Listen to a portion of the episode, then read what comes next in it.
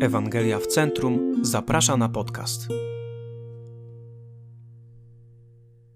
28 marca.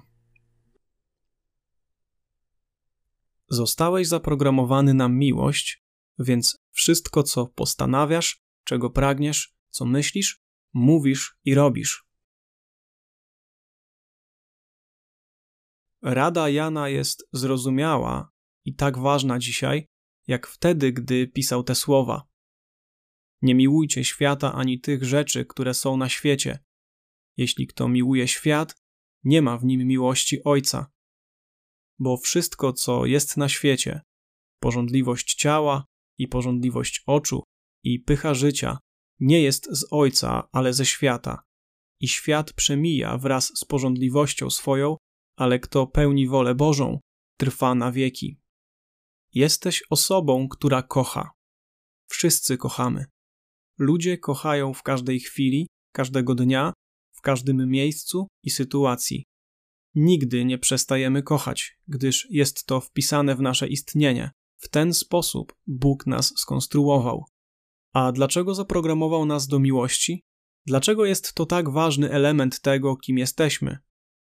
Bóg stworzył nas z tą zdolnością, abyśmy mieli to, czego potrzebujemy w głęboko kochającej, kontrolującej serce, wzbudzającej motywację, inicjującej uwielbienie i stymulującej radość relacji z Nim.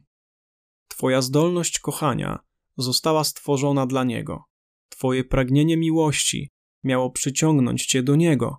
Twoje serce zostało tak zaprojektowane, aby tęskniło za miłością, a owa tęsknota miała w nim znaleźć swoje ostateczne i całkowite spełnienie. A oto nasz dramat. Grzech sprawia, że wszyscy w jakiś sposób odwracamy się plecami od Bożej miłości i zwracamy się ze swoją miłością do kogoś lub czegoś innego.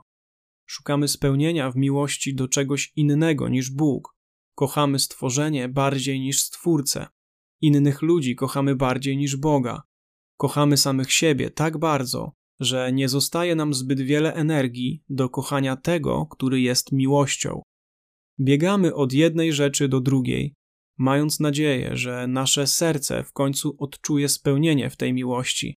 Wszyscy jesteśmy duchowo rozwiąźli i biegamy od jednego do drugiego duchowego kochanka, przyrzekając lojalność innym rzeczom zamiast Bogu.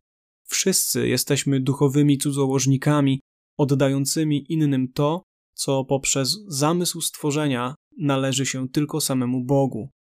Biblia to historia miłosnego dramatu, który przez moment mógł skończyć się tragedią, ale wtedy pojawił się Jezus. Bóg, który jest miłością, posłał syna swojej miłości, by dokonał najwyższego poświęcenia miłości, abyśmy mogli stać się ludźmi, którzy go kochają, jak nigdy dotąd. Bóg zalewa nas swoją miłością, która nie rezygnuje nawet w naszych najgorszych chwilach, a przez łaskę przemienia nasze serca, abyśmy coraz bardziej mogli trzymać stworzenie tam, gdzie jego miejsce i zachować najwyższą miłość naszych serc dla niego samego. Cieszmy się teraz i celebrujmy ten dar zbawczej miłości. Dalsze rozważania i zachęta, piąta księga Mojżeszowa, rozdziały 6 do 8.